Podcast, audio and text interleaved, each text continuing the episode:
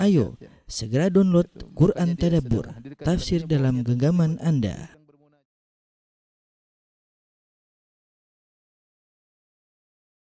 Bismillahirrahmanirrahim. Assalamualaikum warahmatullahi wabarakatuh. Alhamdulillahi ala ihsanih wa syukru lahu ala taufiqi wa fadinani. Asyhadu an la ilaha illallah wa la syarika lahu ta'ziman li sya'ni. Asyhadu anna Muhammadan abduhu wa rasuluh da'ila ridwani. Allahumma salli alaihi wa ala alihi wa ashabihi wa ikhwani. Para pemirsa yang dirahmati oleh Allah Subhanahu wa taala. Alhamdulillah kita dipertemukan kembali oleh Allah Subhanahu wa taala dalam saling dalam rangka saling menasihati. Dan topik yang akan kita angkat pada kesempatan kali ini adalah bagaimana menjaga ketakwaan setelah Ramadan ya. Kita tahu bersama bahwasanya menjaga ketakwaan di bulan Ramadan adalah perkara yang alhamdulillah relatif dimudahkan oleh Allah Subhanahu wa taala di mana bulan tersebut dikondisikan oleh Allah eh, dengan penuh kebaikan yaitu di antaranya pintu-pintu surga dibuka pintu-pintu neraka ditutup kemudian uh, wasufidati maratu syayatin dan gembong-gembong syaitan di penjara oleh Allah Subhanahu wa taala sehingga tidak leluasa untuk menggoda manusia. Uh, kemudian juga kata Nabi sallallahu alaihi wasallam yunadi munadin ya bagi al khairi aqbil wa ya bagi syarri aqsir. Maka ada yang menyeru di hari-hari bulan Ramadan, wahai pencari kebaikan, semangatlah. Wahai pencari kemaksiatan, berhentilah. Kita sendiri merasakan hal tersebut ya. Tatkala bulan Ramadan ya. Bahkan di masa pandemi ya. Kita tetap semangat ya. ya meskipun berbagai macam kejadian di luar sana. Semangat tetap membara tatkala di bulan Ramadan. Karena tadi memang sudah dikondisikan oleh Allah Subhanahu wa taala. Ya, belum lagi ganjaran-ganjaran yang Nabi uh, janjikan man shoma ramadhana imanan wa ihtisaban ghufira lahu ma taqaddama min dhanbi ya barang siapa yang berpuasa dengan penuh keimanan dan penuh pengharapan maka akan diampuni dosa-dosanya yang telah lalu. Dan uh, ibadah uh, ganjaran-ganjaran yang Rasulullah sallallahu alaihi wasallam janjikan yang lainnya seperti di malam Lailatul Qadar dan yang lainnya. Ini semua menjadikan uh, kaum muslimin dan kita juga semangat ya. Dan juga kita berfikir panjang untuk bermaksiat di bulan Ramadan ya. Kita sangat sayang seandainya di bulan Ramadan pandangan kita memandang hal-hal yang haram ya. Kita ini bulan suci ya, sehingga kita mudah untuk lebih bertakwa kepada Allah. Bahkan kita merasa sayang, merasa rugi kalau ternyata waktu-waktu bulan Ramadan kita habiskan untuk hal-hal yang sia-sia karena setiap detik yang dilewati di bulan Ramadan bernilai pahala besar di sisi Allah Subhanahu wa taala ya. Oleh karenanya eh, hal ini menjadikan kita semangat untuk beribadah di bulan Ramadan. Tetapi ketika bulan Ramadan telah selesai, kondisi tentu berubah ya. Ya, semuanya berubah. Uh, yang tadinya gembong-gembong setan di penjara oleh Allah Subhanahu wa taala sekarang dilepaskan kembali. Jadi tentu Allah lepaskan dengan hikmah Allah untuk ujian. Sebagaimana Allah membiarkan iblis hidup untuk menggoda manusia, maka gembong-gembong setan yang tadinya dibelenggu oleh Allah selama sebulan penuh, tadinya cuti sekarang berkeliaran kembali dengan penuh semangat untuk menggoda manusia ya. Kalau dia kita bulan Ramadan cuma kroco-kroco yang menggoda, sekarang enggak gembong-gembongnya turun kembali siap menggoda manusia. Seruan-seruan yang manggil ya bagi al khairi akbil wa ya bagi syarri aksir. Mencari kebaikan semangatlah, mencari kemaksiatan berhentilah hilang, sudah tidak lagi ada. Ya. Eh, ganjaran-ganjaran yang uh, Rasulullah janjikan di bulan Ramadan sudah tidak lagi ya. Dan di sinilah ujian bagi kita untuk bisa mempertahankan ketakwaan kita. Alhamdulillah selama bulan Ramadan kita telah uh, mengencharger iman kita Eh, dengan banyak keimanan ya kalau kita artikan dengan pulsa keimanan yang begitu banyak maka di bulan Syawal ini dan seterusnya rawan uh, pulsa tersebut akan mengalami roaming dari maksiat-maksiat yang kita lakukan ya. Dan ini harus kita uh, jaga ketakwaan kita ini. Para mising dirahmati oleh Allah Subhanahu wa taala ya sebelum kita membahas tentang bagaimana cara kita menjaga ketakwaan kita harus mengenal apa itu takwa. Takwa ya. Takwa Eh, secara bahasa yaitu penghalang. Secara bahasa artinya penghalang. Apa maksudnya itu? Engkau mengambil penghalang antara engkau dengan azab Allah. Anta ja'ala bainaka wa baina adzabillahi wiqayah. Itu kata para ulama. Namanya takwa itu engkau menjadikan penghalang antara engkau dengan azab Allah Subhanahu wa taala. Itu jangan sampai kau masuk neraka jahanam. Contohnya dalam Al-Qur'an kata Allah fattaqun nar.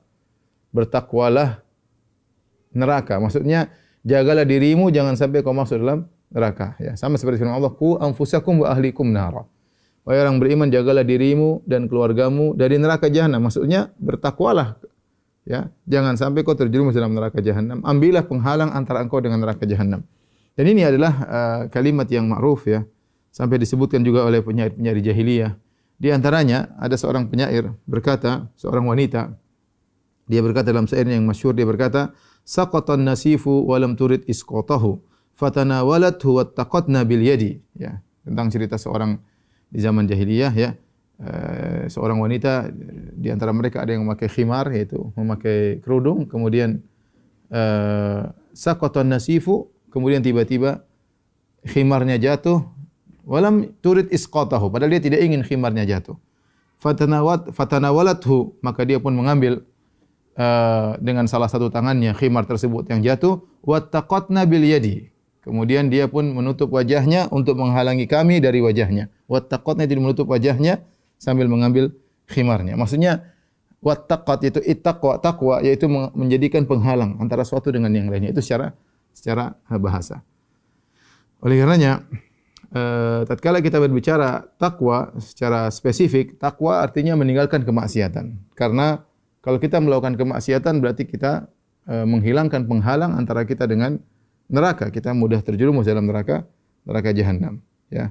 Berkata seorang penyair tentang takwa dia berkata eh, khallidh dhunuba saghiraha wa kabiraha dzaka tuqa wasna kamashin fawqa al-ardi shawkin yahdharu ma yara.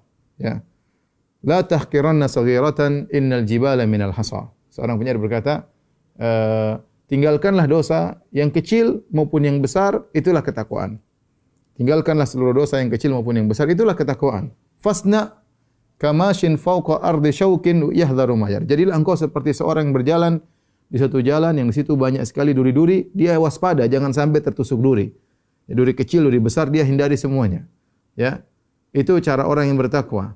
La tahqiranna saghiratan jangan kau remehkan dosa kecil innal jibala minal hasa sungguhnya gunung yang tinggi tersusun dari kerikil-kerikil oleh karenanya kalau kita bicara spesifik tentang takwa, artinya meninggalkan kemaksiatan.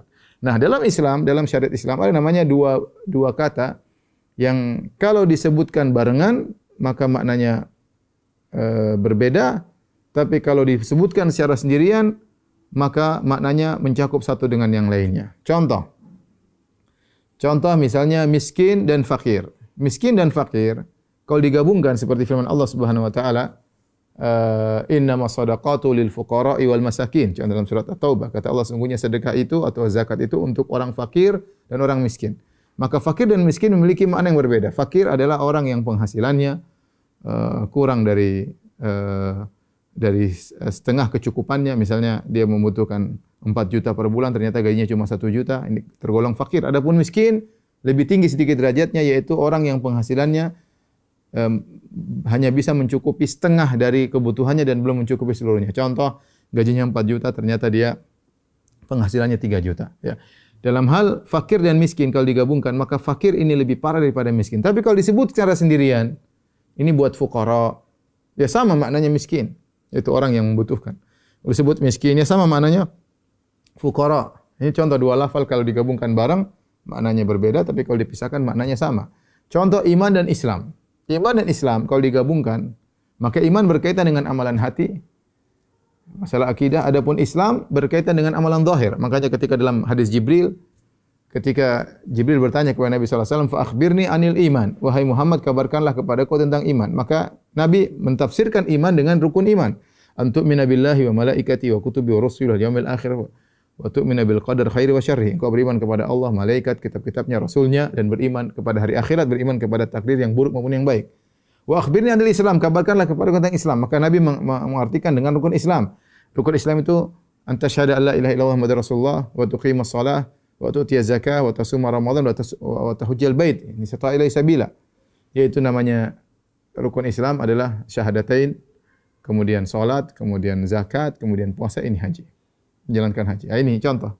Namun ketika Islam dan iman digabung dipisahkan, iman ya Islam, Islam ya iman. Apa kaitannya dengan takwa? Takwa terkadang digabungkan dengan albir. Contoh kata Allah Subhanahu wa taala, "Wa ta'awanu 'alal birri wa taqwa." Wa la ta'awanu 'alal ismi wal udwan. Janganlah kalian uh, saling tolong menolong kalian dalam kebaikan dan ketakwaan. Dan janganlah kalian uh, saling menolong dalam dosa dan kemaksiatan. Perhatikan di sini ya. Kata Allah Subhanahu wa taala wa ta'awanu 'alal birri wat taqwa. Ya.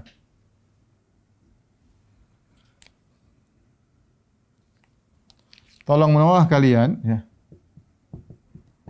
Tolong menolonglah kalian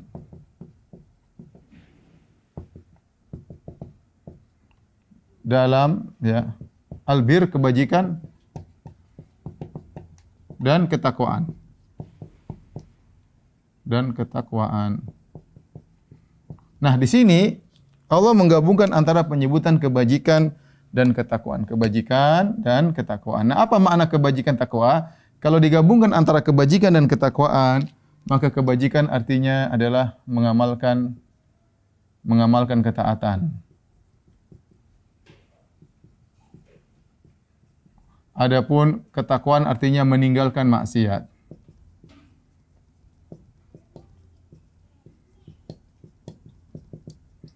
Ini uh, ini contoh ketakwaan digabungkan dengan kebajikan.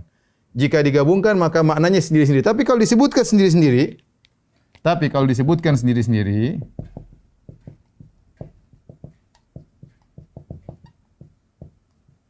sendiri-sendiri, maka ya, maka takwa sama dengan kebajikan. Takwa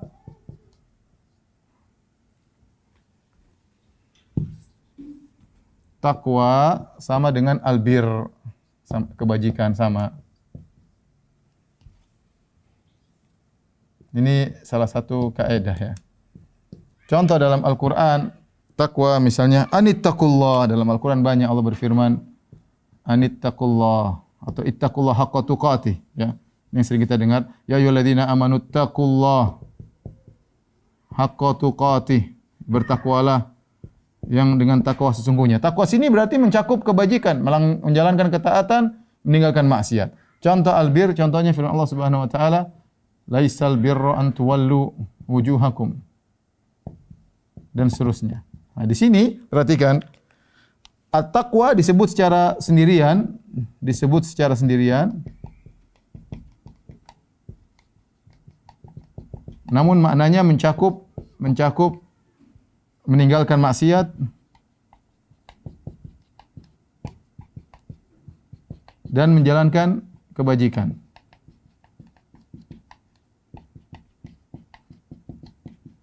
Sama albir di sini disebut secara sendirian albir, laisal bir ya. Disebut secara sendirian. Maka maknanya sama, maknanya mencakup menjalankan ketaatan dan meninggalkan maksiat.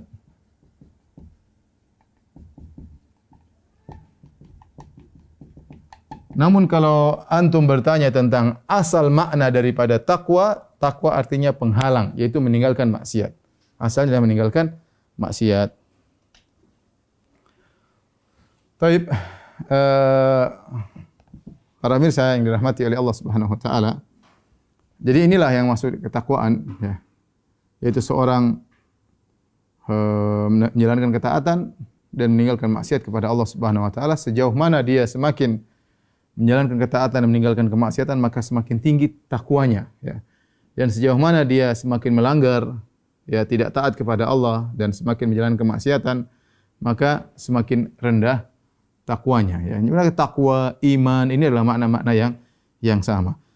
Timbul pertanyaan bagaimana cara kita untuk menjaga ketakwaan kita di setelah bulan Ramadan. Para pemirsa yang dirahmati Allah Subhanahu wa taala ya saya kasih kesimpulan bahwasanya namanya orang bertakwa sederhana orang bertakwa itu orang itu orang orang soleh orang yang beriman siapa sih orang beriman itu yaitu orang yang e, menjalankan hak Allah Subhanahu Wa Taala ya kemudian menjalankan hak antara dia dengan hamba-hamba Allah Subhanahu Wa Taala tidak melanggar perintah Allah Subhanahu Wa Taala dan juga tidak uh, melanggar hak-hak manusia itulah orang yang bertakwa kalau kita ingin cek kita bertakwa atau tidak maka periksalah diri kita. Saya bagaimana terhadap Allah Subhanahu wa taala? Sudahkah salat lima waktu saya kerjakan? Ya, sudahkah puasa saya kerjakan? Sudahkah haji saya kerjakan? Ya. Uh, berkaitan dengan maksiat, sudahkah saya menjaga pandangan saya? Sudahkah saya menjaga uh, pendengaran saya? Sudahkah saya menjaga lisan saya? Ya ini. Ini berkaitan dengan hak Allah. Sekarang berkaitan dengan hak manusia. Sudahkah saya menunaikan hak orang tua saya? Sudahkah saya menunaikan hak suami saya? Sudahkah saya menunaikan hak anak-anak saya, kakak dan adik saya? Sudahkah saya tunaikan bagaimana hubungan saya dengan mereka? Terus, adakah saya melakukan pelanggaran terhadap hak mereka? Adakah saya makan haram dari uang mereka? Adakah saya menjatuhkan harga diri mereka? Adakah uh, saya melukai dan menyakiti hati mereka? Ini kalau orang sudah uh, melakukan demikian maka dia bertakwa. Maksud saya mau kasih sederhana saja. Ya. Rumus sederhana orang bertakwa itu apa sih? Terus kalau pertanyaan siapa orang bertakwa? Ya, siapa orang bertakwa?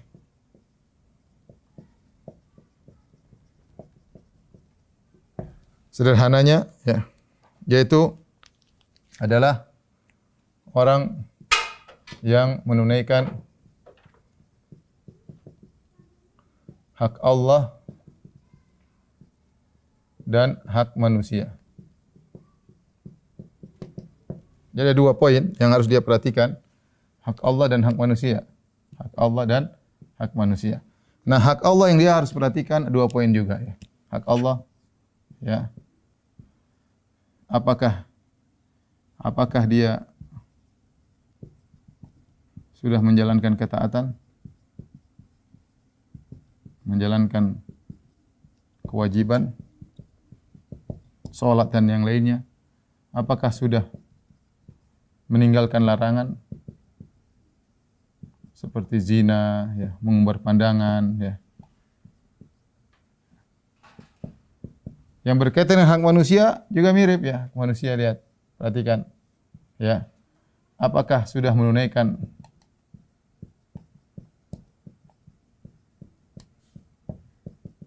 hak ibunya, orang tuanya, ortunya, ya. suaminya, istrinya, istri, anak-anak, ya. kemudian kakak adik, kemudian tetangga, hak-hak orang dekat dia sudah tunaikan belum? Kemudian berkaitan dengan uh, yaitu tidak menzolimi orang lain.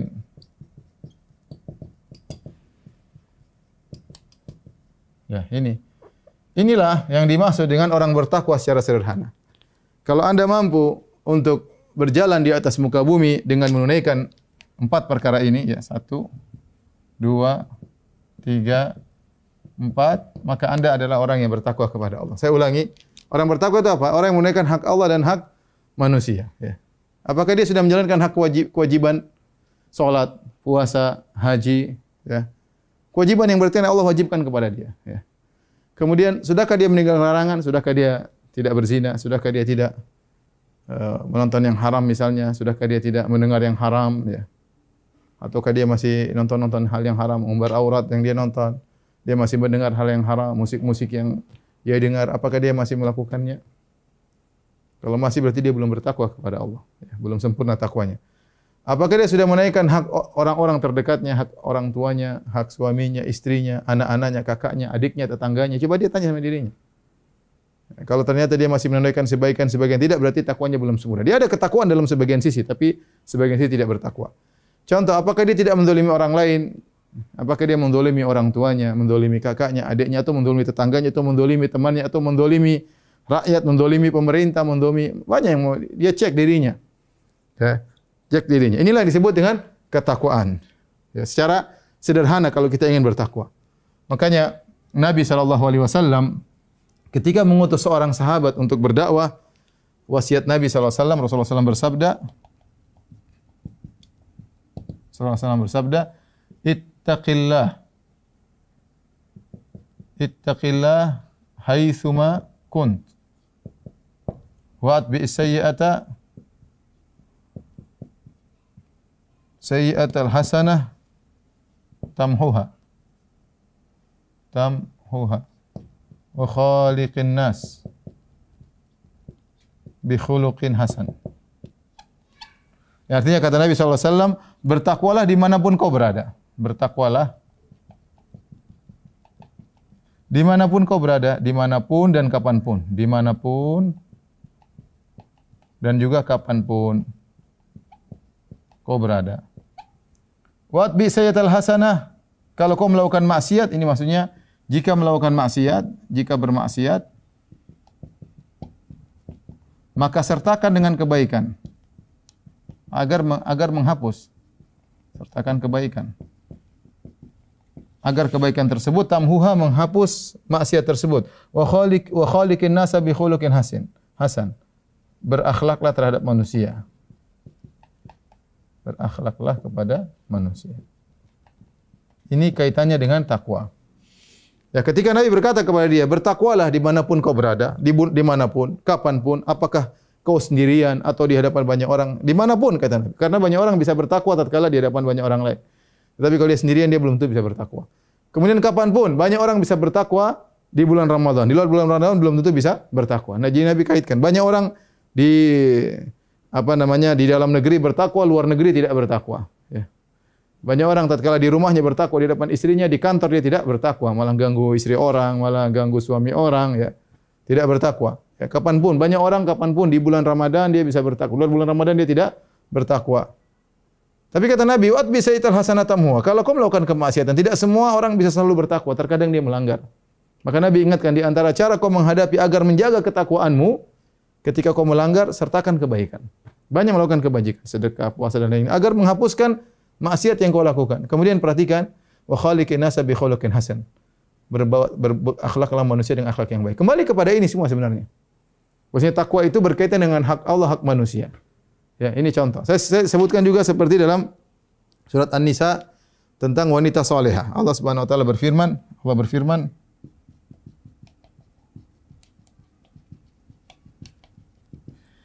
Fasalihat ini ibu-ibu tolong perhatikan ya.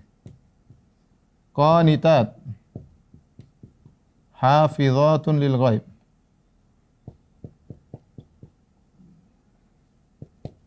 Kata Allah Subhanahu wa taala dan wanita-wanita salehah, ya, wanita salehah, apa ciri-cirinya? Itu wanita bertakwa. Apa cirinya? Yang pertama, qanitat, taat beribadah. Hak Allah ini. Kemudian hafizatun lil ghaib, menjaga hak suaminya. Menjaga hak suaminya meskipun suaminya tidak ada, meski suaminya tidak ada, suaminya tidak hadir.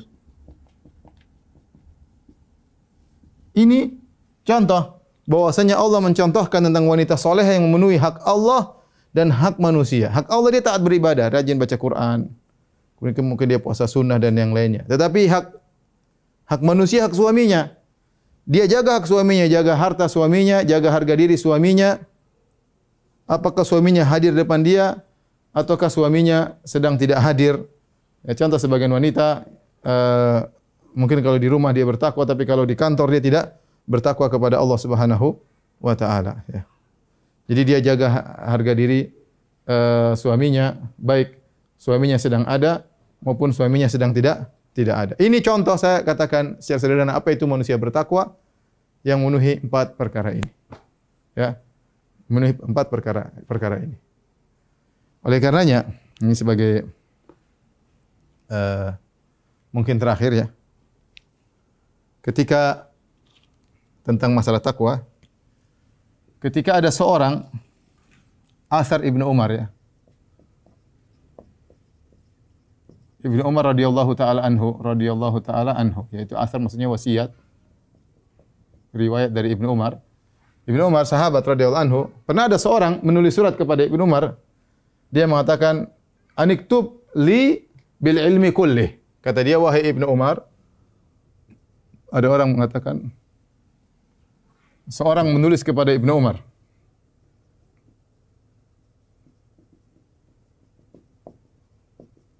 kepada beliau tulislah untukku untukku seluruh ilmu ya. susah mau tulis seluruh ilmu ya. ilmu banyak gimana mau ditulis seluruhnya ya. Siapa menulis ilmu banyak sekali. Maka apa jawaban Ibnu Umar? Ya. Radhiyallahu anhu dia mengatakan, "Innal ilma katsir." Ibnu Umar menjawab Ibnu Umar menjawab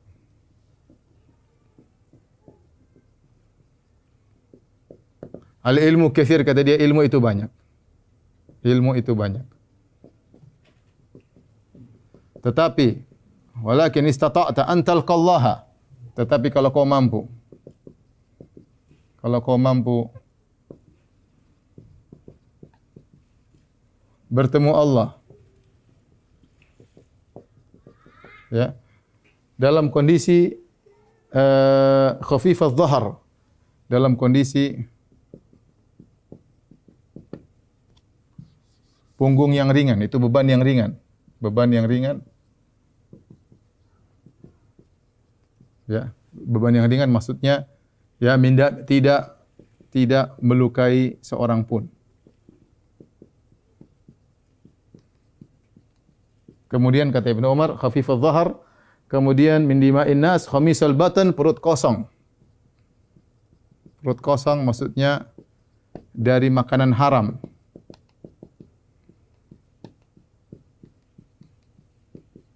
Kemudian kata Ibn Umar, uh, min amwalihim kafan lisanak an a'radihim. Tahan lisan lisanmu dari menjatuhkan harga diri mereka.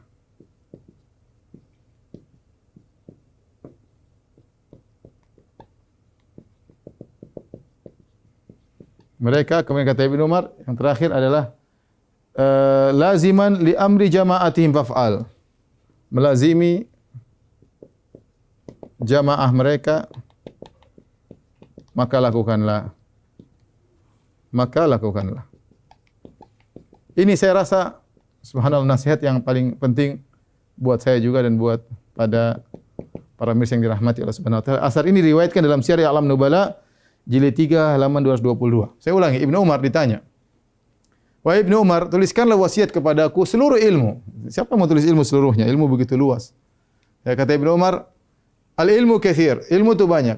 Walakin ini istata'ta antal qawah. Tapi kalau kau mampu bertemu Allah dalam kondisi khafifah dhahar, yaitu punggungmu ringan, ya beban yang ringan yang pertama, ya. Yaitu tidak melakukan mindima il muslimin, kau tidak mukul orang, kau tidak menumpahkan darah kaum muslimin, ya, ini yang pertama. Kemudian kata khamisal batan, perutmu kosong, itu kau tidak makan harta haram, kau tidak mengambil harta orang, ya kau tidak merampas harta orang kau tidak korupsi tidak mencuri harta orang ya. Tidak menipu orang dengan mengambil harta mereka yang haram. Kafar lisanak yaitu yang ketiga kau jaga lisanmu. Tidak tidak menjatuhkan harga tidak menuduh orang tidak tidak ya. Tidak menceritakan keburukan orang yang tidak tidak ya. Tahan lisanmu menjatuhkan harga dirimu dari mereka. Kemudian yang keempat melazimi jamaah. Laziman amro jamaatim. Melazimi jamaah mereka tidak kemudian memberontak terjadi pembunuhan dan yang lainnya. Sudahlah bersabar dengan apa yang terjadi. Faf'al maka lakukanlah. Ini kalau saya boleh katakan inilah uh, sama kesimpulan dari ketakwaan. Nah kita sebagai kaum muslimin kalau ingin bertakwa baik di Ramadan maupun setelah Ramadan perhatikan hal ini. Selama bulan Syawal sampai kita meninggal dunia jangan sampai kita menumpahkan darah kaum muslimin Jangan sampai kita menyebabkan tertumpahnya darah kaum muslimin. Apakah dengan secara langsung kita mengangkat senjata, mengangkat pedang, melukai orang, memukulin orang atau kita sebagai provokator memprovokasi terjadi sehingga terjadinya tertumpah darah muslim? Karena awwalu ma yuqda yaumal qiyamah fid dima kata Nabi SAW yang pertama kali akan disidang oleh Allah pada hari kiamat masalah darah. Ya maka hati-hati. Justru alhamdulillah kalau setahu saya para dokter justru menyelamatkan orang justru menyelamatkan orang, orang terluka, orang yang dalam kondisi sekarat dan yang lainnya, orang terkena penyakit. Ya, tapi jangan sampai sebaliknya. Ingat, kita menumpahkan darah kaum muslimin bisa secara langsung, bisa bukan secara langsung, tapi secara sebab dengan apa provokasi kita. Dengan ikut menyebarkan berita yang tidak benar, hati-hati. Yang kedua, kalau bisa khamisal batan min amwalim, perut kosong ketemu Allah jangan sampai kita makan harta yang haram. Sedikit pun jangan. Antum sebagai dokter jangan sampai nipu orang, ya, saya ingatkan dokter kemudian bikin obat yang mahal-mahal ternyata tidak. Itu namanya nipu orang. Harusnya obat ada yang lebih bagus atau yang lebih pas. Kemudian antum kasih resep harta apa namanya uh, harga obat yang mahal karena sudah kerjasama dengan detailer dan yang lainnya, kita harus bertakwa kepada Allah. Hati-hati. Kalau kita kerjasama dengan detailer ternyata memang harganya oke okay dengan yang lain, nggak ada masalah. Tapi yang jadi masalah kita tahu ada obat yang lebih bagus, kemudian kita sengaja menjual obat lebih mahal agar kita makan harta orang, ini bahaya. Ya. Apalagi yang kerja di pemerintahan orang-orang kemudian korupsi, innalillah. Dia makan harta rakyat, rakyat sudah bayar pajak setengah mati dikejar-kejar pajak. Kemudian korupsi untuk kepentingan pribadinya, untuk menyenangkan anak istrinya bisa berjalan-jalan di luar negeri. Ini mengerikan. Tapi kalau dia ambil harta tersebut dengan takwa kepada Allah, disalurkan sesuai betapa banyak pahala yang dia dapatkan. Tapi kalau sebaliknya, musibah pada hari kiamat kelak. Perutnya penuh dengan harta yang haram. Kemudian kafal lisanak. Kata Nabi kafan kata Ibnu Umar kafan lisanak, jaga lisan. Sekarang zaman ke semua orang hobi komentar, semua orang hobi kritik, terkadang kritik dibangun di atas uh, data yang tidak valid, di atas hoax dan yang lainnya hati-hati. Seorang berhati-hati dalam berkomentar, dalam kritik apalagi yang berkaitan dengan masalah umat, membuat opini yang tidak benar, hati-hati ya. Yang terakhir kata Ibnu Umar, "Walazimi jamaah kaum muslimin," yaitu jangan memberontak keluar dari pemerintahan sehingga terjadi kekacauan ya. Kemudian menyuruhkan orang untuk memberontak sehingga orang darah bertumpahan di jalanan dan ini bahaya. Jangan sampai kita menjadi penyebar fitnah ya. Kita ingin mengingkari kemungkaran tapi ternyata yang timbul kemungkaran lebih besar dan ini hisapnya panjang pada hari kiamat kelak. Maka seorang waspada, dia jaga ketakwaannya kepada Allah Subhanahu wa taala. Ini uh, secara sederhana definisi takwa seorang berusaha untuk mengamalkannya. Adapun bagaimana cara kita menjaga kiat jaga takwaan selama setelah bulan Ramadan sampai bertemu bulan Ramadan berikutnya maka banyak hal saya bikin eh, saya sampaikan sederhana di antaranya yang pertama menjalankan ibadah-ibadah yang sudah kita lazimi selama bulan Ramadan jangan ditinggalkan seluruhnya. Ingat kata Nabi sallallahu alaihi wasallam, "Habul a'mali ila Allah adwamuha wa inqal." Amalan yang paling dicintai oleh Allah adalah yang paling berkesinambungan meskipun sedikit. Yang paling berkesinambungan meskipun apa? Sedikit. Ya, jadi puasa jangan lupa, jangan kita tinggalkan. Kita ada puasa Senin Kemis, ada kita puasa tiga hari, minimal tiga hari. Dan puasa tiga hari ini kalau bisa ayamul bid 13, 14, 15 tatkala bulan-bulan purnama atau bebas mau kapan saja. Terserah bebas mau puasa tiga hari sebulan wasiyamu thalathati ayam min kulli syahr kasiyamid dahr. Puasa tiga hari setiap bulan seperti puasa uh, selama setahun. Kalau setiap bulan kita bertahan kontinu tiga hari, alhamdulillah mudah. Wanita maupun ikhwan, laki-laki bisa, wanita bisa tiga hari dalam sebulan, tidak banyak-banyak. Kalau mampu lebih daripada itu, puasa Senin Kemis sehingga delapan hari dalam sebulan lebih baik. Tapi kalau tiga hari paling tidak minimal, karena al-hasan itu bi'asyari amsalihah, kebaikan dilipat gandakan sepuluh lipat. Yang penting kontinu. Yang penting kontinu. Saya tidak suruh kemudian puasa Daud, ya berat. Puasa Daud berat, sehari berbuka, sehari puasa, sehari berbuka, sehari puasa. Tidak gampang. Ya, ada yang lebih ringan, ya, adalah puasa tiga hari dalam uh, dalam sebulan. Ya. Uh, kemudian di antaranya, uh, yang penting kontinu, di antaranya solat malam. Solat malam, uh, alhamdulillah selama musim Ramadan kita bisa solat malam setengah jam, bisa satu jam. Pas Ramadan selesai, jangan kita tinggalkan, kita cerai itu solat malam. Ya. Banyak orang langsung menceraikan solat malam di malam takbiran. Langsung sudah tidak solat malam. Padahal kemarin malam 30, kemarin malam 29 dia masih menangis masih solat malam setengah jam, satu jam. Begitu malam takbiran, dia sudah tidak solat malam. Ya, seharusnya dia tetap solat malam. Ya, meskipun mungkin tidak sebanyak di bulan Ramadan, ya karena Ramadan bulan spesial. Tapi paling tidak continue. Saya tidak minta kita bertahan setiap hari satu jam. Mungkin kita enggak mampu. Ya saya, saya perempat jam enggak ada masalah. Sepuluh menit enggak ada masalah. Lima menit enggak ada masalah. Yang penting solat malam continue. Ya. Ya mungkin tidak bisa tiap hari enggak jadi masalah tidak tiap hari yang penting ada kita solat malam dalam sepekan berapa kali kita continue dan itu sangat dicintai oleh Allah Subhanahu wa taala. Baca Quran. Ya kalau kita Ramadan mungkin kita bisa khatam dua kali, tiga kali ya, sebagian orang sampai empat kali, lima kali. Ya, sebagian cuma sekali ya.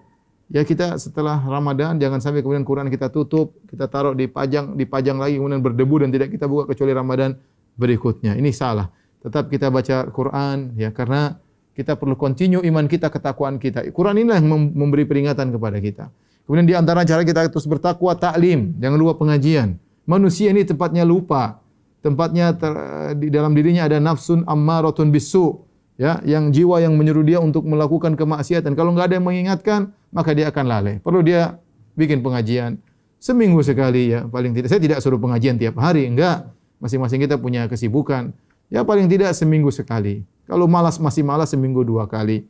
Ya, kalau masih malas juga ya kebangetan sebulan sekali. Tapi jangan sampai kemudian lewat hari, hari tiap pekan, tiap bulan enggak ada kita pengajian sama sekali. Alhamdulillah sekarang sarana pengajian banyak. Bisa hadir di masjid kalau tidak musim pandemi. Kalau enggak bisa dengan uh, apa namanya medsos dan yang lainnya, atau bisa dengan Zoom dan yang lainnya. Ini sarana kita saling mengingatkan yang yang mendapat manfaat ber, yang berpembicara maupun yang pendengar ya. Karena manusia watawasau bil haq watawasau bis sabar. Saling berwasiat untuk uh, melakukan kebajikan dan saling berwasiat untuk bersabar. Ini di antara sarana kita untuk bisa menjaga ketakwaan. Dan paling penting juga di antaranya adalah komunitas ya. Kita punya komunitas alhamdulillah komunitas yang baik. Ya, komunitas-komunitas yang buat kita turun iman kita left aja, enggak usah ragu-ragu ya. Kalau kita punya komunitas ya, grup-grup WhatsApp yang itu membantu diri kita manfaat dunia atau akhirat, maka pertahankan. Tapi kalau ternyata menjadikan iman kita hancur lebur ya, maka jangan kita spekulasi, kita hidup cuma sekali ya. Dunia cuma sementara. Oleh kerana seorang berhati-hati kalau ternyata dia punya komunitas yang buat dia semakin jauh dari Allah Subhanahu wa taala, maka dia left minta izin dengan cara baik-baik, left tinggal komunitas tersebut cari komunitas yang baru yang bisa mendapatkan mendatangkan iman dan meningkatkan keimannya kata Nabi sallallahu alaihi wasallam ya uh, al mar'u ala dini khalilihi falyanzur ahadukum man yukhalil. Seorang berada di atas agama kawannya maka hendaknya dia melihat siapa yang dia mau jadikan teman. Dahulu uh, orang Arab berkata as-sahibu sahib bahwasanya sahabat itu mempengaruhi. Yang terakhir uh, adalah jika dia bermaksiat kepada Allah Subhanahu wa taala, jangan ragu-ragu untuk segera bertobat. Jangan tunda tobat tersebut. Dia bermaksiat sekarang, siang hari, malam hari dia bertobat. Malam hari, siang hari dia bertobat. Kata uh, Nabi wasallam, "Inna Allah yabsutu yadahu bin nahar liyatuba musii'ul lail." Wa yabtu wa yabsutu yadahu bil lail liyatuba musii'un nahar. Sungguhnya Allah membentangkan tangannya di siang hari agar orang yang bermaksiat di malam hari bertobat kepada Allah. Dan Allah membentangkan tangannya di malam hari untuk memaafkan agar pelaku maksiat di siang hari kembali kepada Allah Subhanahu wa taala.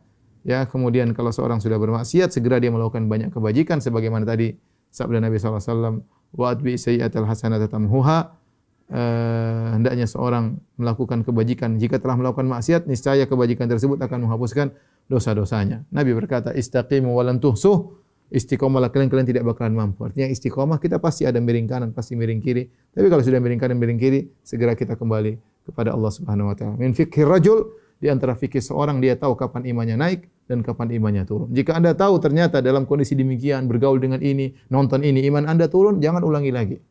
Jika Anda tahu Anda bergaul dengan si fulan, Anda nonton ini iman Anda naik, lakukanlah. Ya, karena itu adalah fikih kecerdasan seorang. Dia tahu kapan imannya naik agar dia jaga jalan tersebut dan dia tahu kapan imannya turun agar tinggalkan cara tersebut. Wallahu alam bisawab ini saja yang bisa saya sampaikan. Kalau ada yang bertanya saya persilakan. Wallahu taala alam bisawab. Nah, Ustaz, uh, masya Allah, uh, alhamdulillah kita dapat uh, tausiah yang syarat dengan ilmu. Saya coba bacakan pertanyaan yang sudah masuk ke kolom chat dari Mas Kamal. Assalamualaikum. Afwan Ustaz, apakah kemaksiatan yang kita lakukan dapat menghapuskan semua pahala amalan baik kita? Jawabannya tergantung maksiat apa yang kita lakukan. Kalau maksiat yang kita lakukan, jadi ada namanya uh, al ihbatul kulli yaitu menghilangkan seluruh maksiat, ada namanya ihbatul juz'i hanya menghilangkan sebagian maksiat. Sebagian dosa, ya. Ada yang menghilangkan satu maksiat menghilangkan seluruh kebaikan dan ada kemaksiat hanya menghilangkan sebagian Eh, kebajikan. Contoh yang menghilangkan seluruh kebajikan contohnya seperti syirik kepada Allah Subhanahu wa taala, kufur kepada Allah Subhanahu wa taala. Ya, ini semua ya. Wa man yakfur billahi faqad habita amaluh. Kata Allah barang siapa yang kufur kepada Allah maka gugur amalannya. Kufur banyak seperti syirik kepada Allah. Ini kufur. Mencela syariat Allah Subhanahu wa taala juga apa? kekufuran. Ya kemudian e, misalnya mencela Nabi sallallahu alaihi wasallam, menghina Nabi sallallahu alaihi wasallam juga apa? E, kekufuran. Jadi pintu-pintu kekufuran banyak. E, misalnya meyakini bahwasanya agama lain juga masuk surga sebagaimana orang Islam. Ini juga apa? kekufuran. Padahal terlalu banyak ayat yang mengatakan selain Islam di neraka karena mereka berbuat e, kesyirikan. Contoh meyakini misalnya bahwasanya syariat bisa kita rubah. Syariatnya Muhammad sudah expire sebagaimana perkataan sebagian orang liberal sudah expire kita sekarang bikin syariat baru yang relevan dengan apa yang kita jalani sekarang. Ini kufur kepada Allah. Ini contoh amal-amal percaya uh, dan masing-masing seperti syirik ini pintunya banyak ya percaya sama dukun dan yang lain. Jadi amal-amal ini kekufuran ini kata Allah may yakfur billahi faqad habita amal. Barang siapa kufur kepada Allah maka gugur seluruh amalannya. Seluruhnya tanpa terkecuali. Kecuali dia bertobat. Kalau dia bertobat maka akan kembali lagi. Ada amal yang maksiat yang menggugurkan sebagian amalan tidak seluruhnya. Contoh seperti riya. Riya menggugurkan kebaikan yang terkait dengan riya tersebut. Contoh kata Allah, "Ya ayyuhalladzina amanu la tubtilu shadaqatikum bil manni wal adha." Wahai orang beriman, jangan kau batalkan amalan kalian dengan man wal adha, yaitu nyebut-nyebut ya, merasa al-man itu merasa punya orang itu punya utang budi sama saya kok menyakiti hatinya sebut-sebut ini suka sakit hati. Jadi kita sumbang orang misalnya kita kasih sedekah satu juta. Kemudian kita cerita-ceritain ke orang sehingga orang dia kita merasa ah oke okay, itu di bawah anak punya hutang budi sama anak terus kita nyebut-nyebut dia tersinggung maka eh, sedekah kita satu juta hilang. Jadi berkaitan dengan sebagian amal amal soleh yang yang gugur. Contoh juga Nabi SAW mengatakan, "Mentara ke salat al-asar, fakat habita amaluh." Barang siapa meninggalkan salat asar maka gugur amalannya. Ada yang mengatakan maksudnya gugur amalan dia sehari itu. Ada khilaf di kalangan para ulama. Tapi intinya ada sebagian maksiat yang menggugurkan seluruh amalan, ada maksiat yang menggugurkan sebagian amalan. Wallahu alam bisawab. Berikutnya, anak ini ada tipe pertanyaan dari uh, pengurus salah satu DKM masjid yang agak galau mengenai bahwa apa boleh memaksakan pendapat kita masih tetap wajib wajib jamaah di masjid kepada masyarakat umum? Uh, kita uh, hanya bisa menyampaikan pendapat namanya uh, pendapat yang itu istihadiyah perkara yang tidak pasti kecuali sekarang ada turun ayat dari Allah wajib kalian ke masjid meskipun pandemi ya kita boleh paksakan kenapa karena ada ayatnya atau ada hadisnya Rasulullah mengatakan pada tahun 2020 akan terjadi pandemi, apapun yang terjadi wajib ke masjid, maka kita boleh paksakan. Tapi kalau tidak ada dalil yang seperti itu, maka ini namanya ijtihadiyah. Para ulama ya berbicara tentang masalah hak Allah dengan uh, hak jasad ya. Jika terjadi pertentangan ya pada kebiasaan syariat bahwasanya hak Allah bisa digugurkan demi menyelamatkan jiwa. Ini contoh. Hal ini banyak. Contoh Allah membolehkan untuk memakan bangkai, makan Eh, babi kalau tidak ada makanan yang lain dan boleh minum khamar kalau tidak ada minuman lain dalam rangka menjaga eh, jasad seseorang jangan sampai meninggal dunia ya. Illa mutrirtum alaih. Kata Allah hurrimat alaikumul maitatu wad damu lahmul khinziri. Allah diharamkan bagi kalian bangkai kemudian ini kemudian ini kecuali yang di dalam kondisi darurat boleh. Contoh lagi misalnya uh, seorang boleh tidak puasa kalau dalam kondisi sakit. Orang sakit, kalau dia puasa dia paksakan bisa puasa tapi kan sakitnya tambah parah. Maka Allah mengatakan man kana minkum maridan aw ala safarin fa iddatun min yamin ukhra barang siapa yang sakit atau safar maka tidak usah puasa enggak ada masalah. Allah gugurkan uh, hak Allah. Nanti puasa di hari lain kata Allah Subhanahu wa taala. Ya. Contoh juga uh, seperti misalnya uh, uh, misalnya uh, dalam hal mengucapkan kekufuran ya. Illa man ukriha wa qalbu mutmainnun bil iman.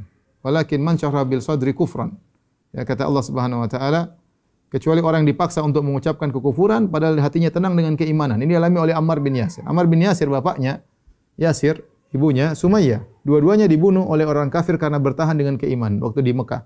Sampai uh, Sumayyah adalah wanita pertama mati syahid ditikam oleh Abu Jahal di kemaluannya sehingga dia meninggal dunia. Ketika Ammar dipaksa untuk mengatakan kata kekufuran, maka dia ucapkan kata kekufuran Ammar bin Yasir maka dia laporkan kepada Allah maka dia mengatakan tidak jadi masalah dia menjatuhkan hak Allah dengan mungkin memaki Allah ya tapi demi selamat apa jiwanya karena terpaksa ini contoh bahwasanya hak Allah Allah gugurkan demikian juga yang berkaitan dengan masalah sholat jamaah para ulama telah membahas secara detail tentang bolehnya meninggalkan sholat Jumat dan sholat jamaah ah, hak Allah ditinggalkan namun demi demi kemaslahatan seseorang contoh terjadi hujan, boleh seorang tidak sholat berjamaah. Bukan tinggalkan sholat, dia tidak sholat berjamaah, solusinya sholat di rumah. Allah kasih solusi. Ya. Kalau kasih apa? Solusi. Contoh juga boleh meninggalkan sholat berjamaah kalau ada wahal, ada pecek, kemudian dia keluar nanti bakalan pecek kakinya, boleh dia di di rumah. Ya, contoh misalnya dia boleh meninggalkan sholat berjamaah kalau dia sakit. Ya, kalau dia sholat dia bisa, cuma paksa sih bisa. Tapi kata syariat boleh di rumah. Contoh misalnya dia meninggalkan sholat Jumat atau sholat jamaah gara-gara ada harta yang dia khawatirkan. Mungkin dia taruh harta kalau dia sholat Jumat hartanya bakalan hilang. Disebut oleh para fuqaha. Bisa mungkin hilang, mungkin mungkin tidak hilang. Tapi ada kemungkinan akan hilang. Dia boleh meninggalkan sholat Jumat dan sholat uh, jamaah. Di antaranya para ulama mengatakan dia meninggalkan sholat berjamaah karena takut atau khaufan minal marat atau takut terkena penyakit. Takut terkena penyakit. Oleh karenanya kaidah syariat mengatakan la darar wala dirar. Ya, tidak tidak boleh seorang menjerumuskan di dalam kemudaratan dan tidak boleh seorang memberi kemudaratan kepada orang lain ya. Dan ini kaidah uh, menunjukkan bahwasanya hubungan seorang dengan Allah asalnya Allah memaafkan jika uh, hak Allah mungkin untuk digugurkan dan Allah memaafkan tidak jadi masalah ya. Tidak menjadi masalah ya. Oleh karenanya sebagian ulama seperti di Arab Saudi fatwa kibar ulama di musim pandemi ini sementara Arab Saudi membuka uh, solat uh, berjamaah, kemudian dengan social distance yang ketat. Para ulama tidak mewajibkan mereka untuk solat. Mereka mengatakan orang-orang tua tidak boleh solat. Kemudian orang yang khawatir, yang takut terkena mudarat, atau takut memberi mudarat kepada orang lain, boleh solat di rumah. Mereka tidak mengatakan wajib seluruhnya. Ini fatwa kibar ulama. Ya. Jadi, uh, baik setelah diselesaikan PSBB, social distance uh, tetap dijaga, dan peraturan tentang, tentang solat berjamaah tetap berlaku jika seorang merasa aman kemudian nyaman dia maka wajib berjamaah jika dia masih merasa khawatir ya kan orang beda-beda orang yang merasa khawatir takut ya ya sudah kita enggak bisa maksa enggak bisa maksa orang untuk ke ke masjid ada seorang mungkin dia berani saya aman saya dokter saya punya ini saya bisa pakai masker mungkin maskernya dua kali dua lapis kemudian saya pakai sarung tangan kemudian saya ke masjid saya tidak pakai saya pakai kos kaki di masjid nanti kalau pulang langsung saya mandi dia berani dan dia agak dalam hati terjamin insya Allah tidak tidak terkena. Tapi yang takut istrinya gimana? Istrinya takut, anak-anaknya takut. Ah, abah mau kemana ditahan tangannya repot begini, mesti repot begini. Karena istrinya bukan takut pada hal yang tidak beralasan, beralasan orang-orang kena. Kejadian di Jeddah sudah tersebar saya rasa beritanya. Pemerintah membuka enam hari jamaah, kemudian ternyata bertambah banyak orang positif, ditutup kembali. Dibikin PSBB selama dua minggu perpanjangan lockdown, bukan PSBB lockdown dua minggu di Jeddah karena akibat apa yang terjadi. Jadi kita berharap kawan-kawan kaum muslimin yang sholat di masjid tetap menjaga social distance dan berdoa kepada Allah agar pandemi segera diangkat. Yang tidak ke masjid juga berdoa di rumah. Ya, agar pandemi diangkat. Yang pergi ke masjid benar-benar mengikuti protokol social distance dengan benar. Jangan kemudian habis sholat Jumat, ah gimana kabar ente? Jabatan Allah sudah selesai. Ya, jangan. Ya udah kita sama-sama tahu. Assalamualaikum, jalan sudah kembali ke rumah. Makanya pemerintah mengatakan tidak boleh Sebenarnya kan syarat pemerintah, syarat MUI, kalau syarat MUI untuk melakukan sholat berjamaah ada di antaranya social distance-nya tetap dikerjakan. Yang kedua, rasio penularan kurang dari satu. Ini ini syarat sebenarnya. Syarat itu pun syarat bukan syarat wajib sholat berjamaah, tapi syarat untuk melaksanakan sholat berjamaah. Nah, pertanyaan kita, apakah rasio ini sudah kita dapatkan kurang dari satu? Ya, sementara dalam sebagian tempat, ya, saya telepon kawan saya dokter, gimana dok? Oh ini habis lebaran kemarin tujuh orang pasien, sekarang tiga puluh, ya repot. Jadi uh, jadi ini uh, kita hanya menyampaikan kondisi secara umum apa jawaban secara umum adapun masing-masing lokasi beda-beda uh, kondisi seorang beda-beda adapun kita mengatakan wajib semua orang harus ke masjid maka kita tidak bisa berspekulasi dengan nyawa orang ya. adapun masalah masalah dia dengan Allah Allah alhamdulillah kasih solusi boleh yang takut ke rumah ya salat di rumah dan dia tidak meninggalkan kewajiban dia tetap salat di di rumah saya bayangkan bagaimana kalau seorang Eh, Nabi mengatakan ida apa namanya uh, la salata li hadrati ta'am. Kata Nabi tidak ada salat kalau makanan sudah dihidangkan. Kenapa? Karena kalau makanan sudah dihidangkan, orang ke masjid dia pikiran, "Aduh, nanti tadi panas-panas enak pikiran dia." Pikiran dia terganggu karena dia ke masjid mikir makanan. Apalagi kalau kita pergi ke masjid, Allahu Akbar, tahu, uh, aduh, sudah parno semua. Saya pernah gitu salat di masjid kiri saya batu-batu, belakang saya batu-batu, ya sudah tawakal semua gimana lagi, enggak mungkin. Tapi maksud saya benar-benar saya terganggu. Saya tidak saya tidak bisa memaksakan, saya tidak parno. Toh saya di masjid, kemudian kiri batu-batu, belakang saya batu-batu, ya saya manusia ya, saya tidak parno ya. Ya, daripada kemudian macam-macam ya sholat di rumah enggak ada masalah. Jadi maksud saya kembali kepada masing-masing yang mau sholat jamaat silakan, yang sholat Jumat silakan, tapi jaga social distancing. Masing-masing kita berdoa dan beribadah kepada Allah Subhanahu Wa Taala. Allah alam bisawab. Memang uh, masalah ini jadi uh, rumit karena memang tidak tingkat pengetahuan itu tidak sama ya. Kadang-kadang mereka mengilmui jadi merasa khawatir atau takut. Hmm. Sedangkan yang berani karena mereka tidak tahu sebetulnya risiko apa yang dihadapi. Hmm. Nah, berikutnya pertanyaan dari eh, Laili Aznur. Assalamualaikum Ustaz. Waalaikumsalam. Afwan, apakah maksud dibelenggu syaitan pada bulan Ramadan? Tapi kita masih ada godaan juga saat menjalankan ibadah, terutama saat sholat atau. Eh, jadi eh, pertama yang harus diperhatikan, yang dibelenggu bukan semua setan. Dalam riwayat wasufidat maradatu syayatin yang dibelenggu cuma setan-setan gembongnya. Jadi yang ganggu kita di Ramadan itu setan-setan kroco. Setan-setan apa? Kroco. Itu kurir-kurir aja, bukan bukan owner. bukan bukan setan-setan jagoan ya. Ini yang pertama. Yang kedua, kita bermaksiat. Ini bertanya Ustaz, di bulan Ramadan masih orang banyak bermaksiat. Maksiat terjadi ada faktor internal dan ada faktor eksternal. Faktor eksternal mungkin setan, taruhlah setan tidak menggoda, tapi kita punya faktor internal. Ammaratun bisu, inna nafsa la ammaratun bisu. Sungguhnya jiwa itu menyeru kepada keburukan. Ada orang yang mungkin jiwanya buruk, sudah lat 11 tak 11 bulan latihan sama setan, setannya lagi cuti, dia sudah terbiasa bermaksiat.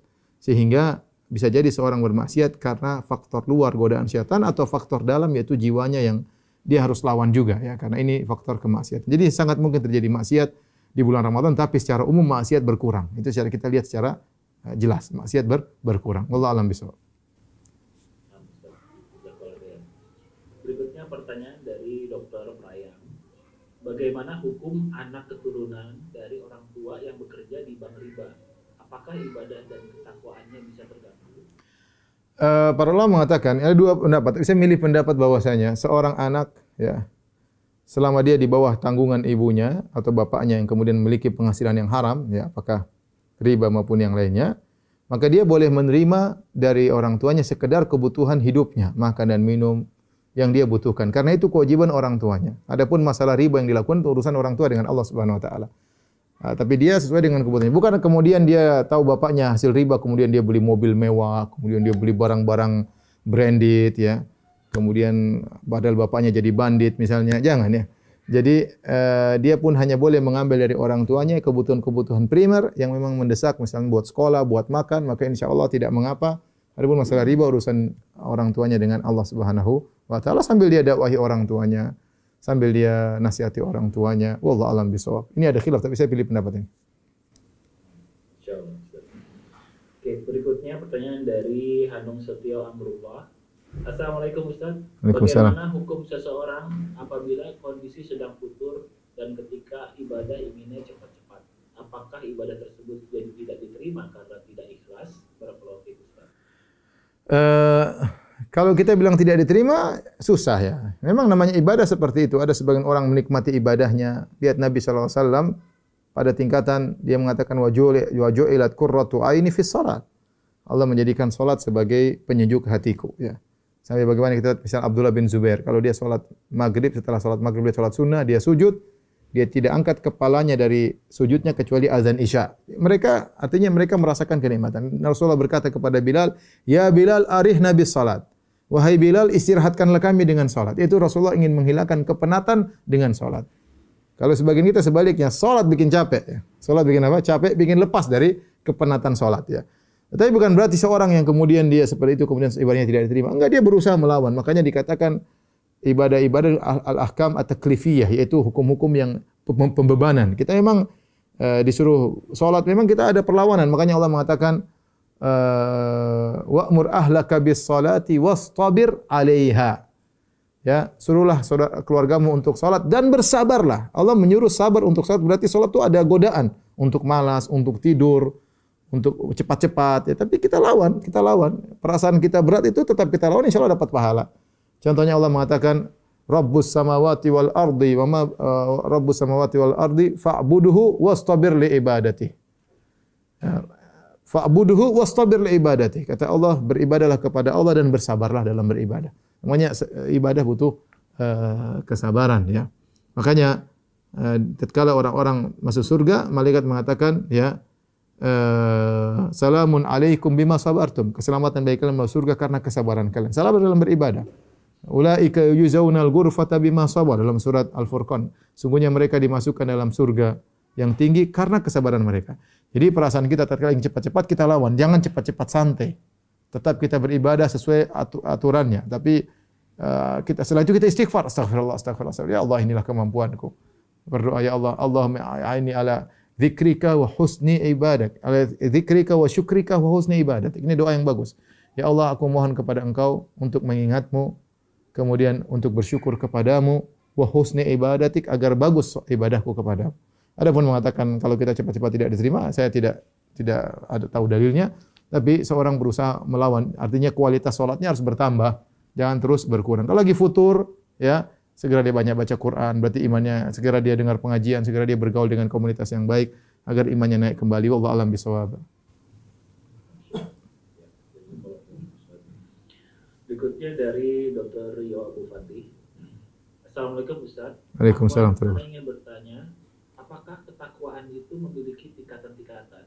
Atau cukup dengan meninggalkan kemaksiatan saja dan mengerjakan banyak kebajikan saja?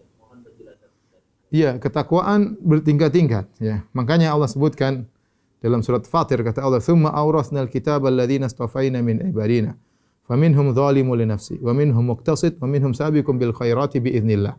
Kata Allah kemudian kami wariskan ya uh, Al-Qur'an kepada hamba-hamba kami ya yang kami pilih di antara mereka li nafsi. Zalimul nafsi itu orang yang dia bertakwa, takwanya kurang daripada yang seharusnya.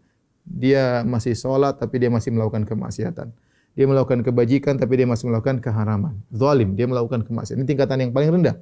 Ya, tapi Allah masih menggolongkan dia sebagai orang bertakwa sehingga Allah masukkan dalam surga. Yang kedua, muktasid. Muktasid yang tengah-tengah yang tadi. Tidak tidak canggih-canggih juga kalau sedekah juga sedikit-sedikit. Tidak kemudian kalau salat pun seadanya, tidak tidak salat malam, tidak salat qobliyah ba'diyah, yang penting wajib dia kerjakan. Yang sunnah mungkin dia tidak kerjakan, yang penting maksiat dia tinggalkan. Makruh-makruh mungkin dia lewat ya. Ini kan makruh masih enggak apa-apa ya. Ini namanya muktasid ya, yang yang, yang seadanya yang memenuhi standar standar paling minimal. Kemudian sabiqun bil khairat. Orang berlomba-lomba, dia tidak mencukupkan dengan wajib aja yang sunnah-sunnah dia kerjakan. Dia tidak hanya meninggalkan yang haram, bahkan yang makruh-makruh dia tinggalkan. Bahkan, bahkan sebagian yang mubah yang boleh ditinggalkan dalam rangka untuk bertakwa kepada Allah. Setelah itu Allah mengatakan jannatu adnin yadkhulunaha. Mereka semua ini masuk dalam surga. Ini contoh bahwasanya ketakwaan uh, bertingkat-tingkat. Ya Allah mengatakan juga dalam uh, hamba-hambanya Allah mengatakan khalatu amalan salihan. Ya. Asallahu ayatuba alaihim. Allah sebutkan tentang orang bertakwa setelah itu Allah mengatakan wa kharuna atarafu bidzunubihim. Ada sekelompok orang yang mengakui dosa-dosa mereka. Ini bertakwa tapi melakukan dosa. Khalatu amalan salihan. Ya. Uh, wa akhara sayyi'a. Dia menggabungkan antara amal soleh dengan kemaksiatan. Asallahu ayatuba alim. Semoga Allah menerima taubat mereka. Oleh karenanya di, di akhirat pun demikian ada golongan yang dia masuk surga dengan mampir dulu di neraka. Ini dia takwa tapi takwanya di bawah standar sehingga dia uh, banyak dosanya sehingga masuk neraka dulu. Ada yang dihisap, ya, dihisap ini dan ada yang masuk surga tanpa hisap yang takwanya tinggi. Maka seorang ya, punya cita-cita yang tinggi, jangan cuma sekedar takwa yang standar, tapi dia berusaha kalau ada rezeki dia sedekah, ada waktu dia salat sunnah, ada waktu dia berzikir, baca Quran, punya target dan yang lainnya masing-masing eh, berdoa kepada Allah agar uh, ditambah ketakwaan oleh Allah Subhanahu wa taala ya. Makanya Nabi di antara doa, doa Nabi Allah min as'alukal huda wa tuqa wal afafa wal ghina. Ya Allah mohon kepada Engkau petunjuk, tambahan petunjuk, wa tuqa tambahan takwa. Tuqa artinya takwa. Wal afafa wal ghina ya. Allah alam bisawab. Berikutnya dari Dr. Mayang Sari. Assalamualaikum Ustaz. Apakah semua jenis kemaksiatan bisa terhapus dengan kebaikan? Bagaimana dengan dosa syirik dan dosa besar lainnya? Hmm. Uh, ini uh, sebagian ulama mengatakan bahwasanya jika seorang ingin bertobat, ya, kita dokter tahu lah. Kita kalau punya penyakit cari obat yang pas, yang bisa gugurkan penyakit tersebut. Ya, makanya kalau kita misalnya sebagian ulama mengatakan jika orang dosanya memandang maksiat, mungkin dia hobi nonton yang haram-haram, hobi lihat film-film terbuka aurat wanita misalnya, maka dia tobatnya dengan mandang yang baik-baik, sering baca Quran, ya sering melihat-lihat yang seperti itu. Jadi kaitannya dengan pandangan misalnya. Seorang mungkin terjerumus dengan dalam dalam zina, kemudian dia bertobat kepada Allah, dia bertobat, dia tinggalkan, kemudian melakukan kebaikan apa? Kebaikan dia nikah, dia perhatian sama istrinya, benar-benar dia jaga kemaluannya, dia tidak ganggu-ganggu orang lain, benar-benar dia. Ini contoh, maksudnya ini menghapuskan dosa apa?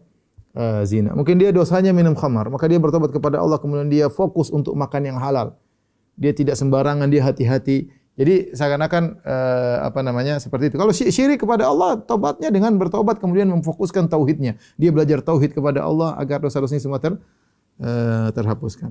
Jadi ini pendapat sebagian ulama bahwasanya masing-masing dosa itu punya obat yang manjur yang yang merupakan lawan dari dosa tersebut. Allah alam bisa. Uh, berikutnya pertanyaan yang menarik dari Dr. Beria Demarza ini. Bismillah, ingin bertanya tentang hadis Sesungguhnya iman akan kembali ke kota Madinah, sebagaimana ular akan kembali ke sarangnya.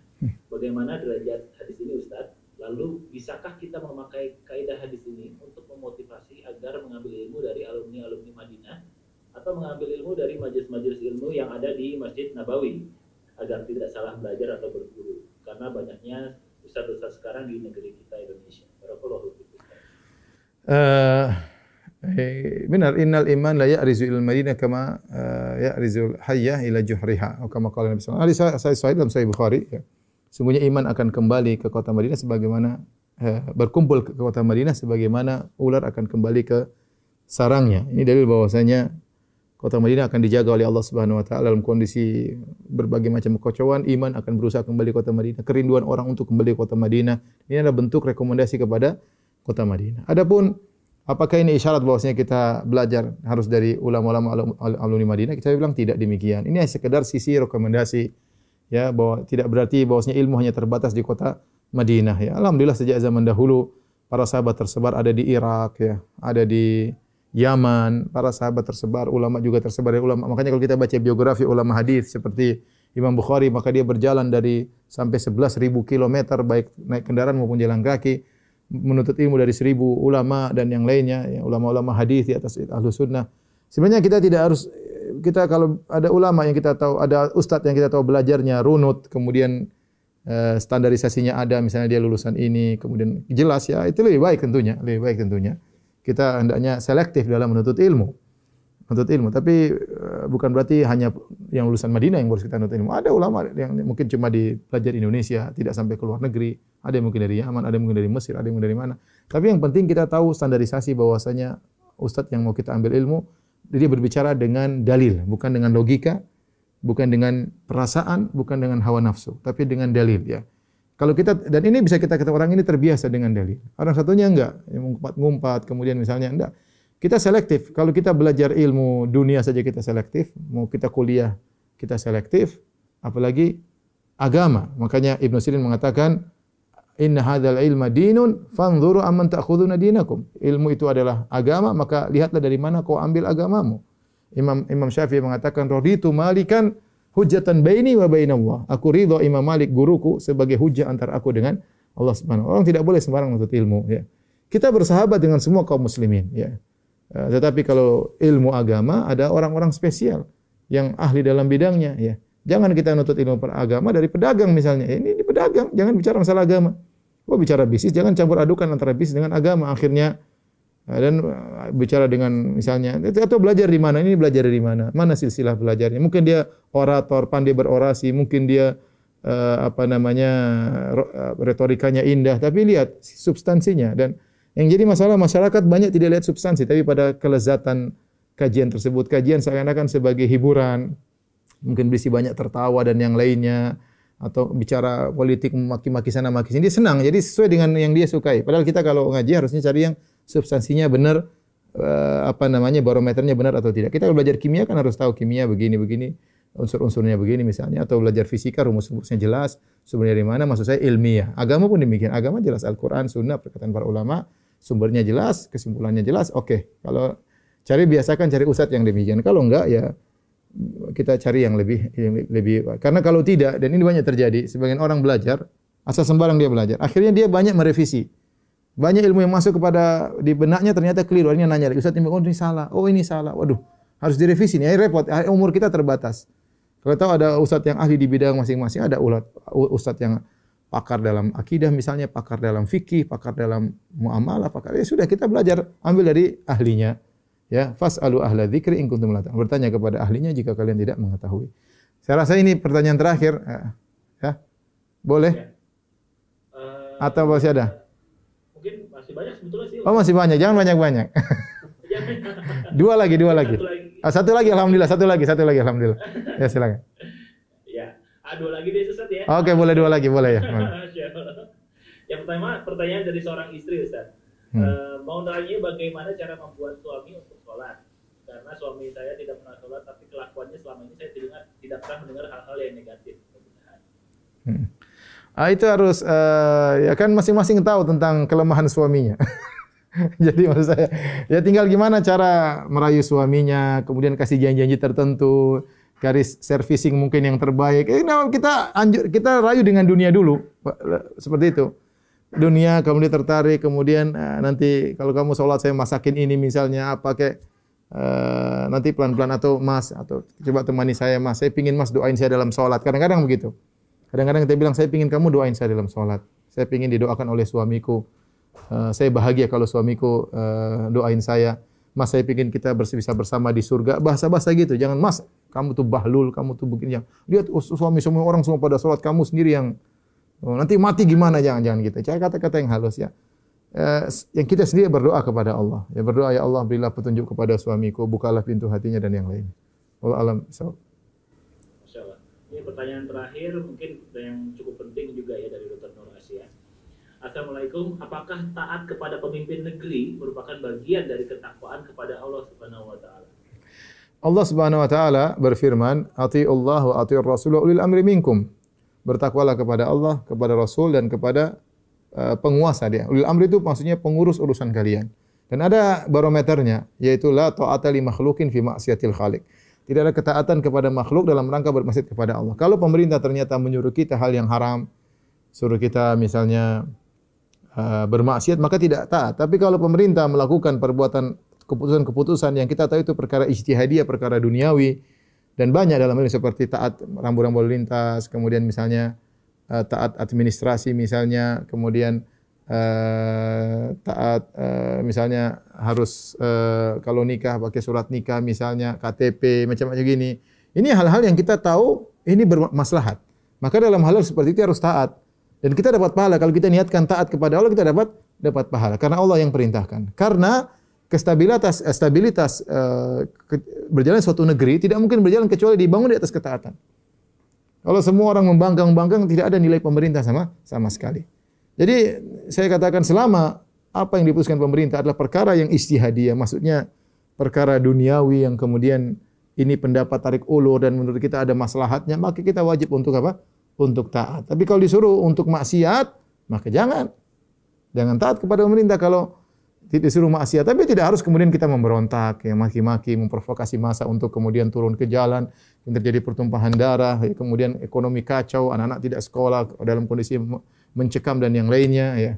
Kemudian sebagian provokator-provokator demo tersebut ternyata kabur ketika hari demo dan ini kejadian. Orang nyawa turun meninggal 1 2 3 4 5 6 hasilnya ya kadang-kadang menyedihkan ya. ya. kadang-kadang kita bela ternyata tidak sesuai dengan harapan, kemudian eh, macam-macam. Maksud saya orang yang cerdas kita jangan sampai membantu terjadi. Kita berusaha membantu negeri ini semakin baik dengan cara yang mungkin kita lakukan. Ya, antum sebagai dokter, ya, lakukan yang terbaik. Memberi nasihat nasihat pemerintah dengan cara yang baik, dengan tulis kumpulan para dokter, kemudian beri masukan, semoga didengar dan yang lainnya. Ya. Uh, adapun dengan memprovokasi massa, kemudian turun ke jalan sampai terjadi kekacauan, bakar-bakaran, penjarahan dan ini suatu hal yang buruk. Ini membuat kita semakin terpuruk dan saya rasa orang Indonesia tidak suka demikian. Allah alam bisawab, ini saja yang bisa saya sampaikan, kurang bisa maaf. Semoga para dokter-dokter bisa menjalankan tugasnya dengan baik, diberkahi pekerjaan yang Allah Subhanahu wa taala membantu kaum muslimin mendapatkan pahala di sisi Allah dan juga mendapat kemudahan ekonomi selama di dunia. Wabillahi taufiq wal hidayah. Assalamualaikum warahmatullahi wabarakatuh.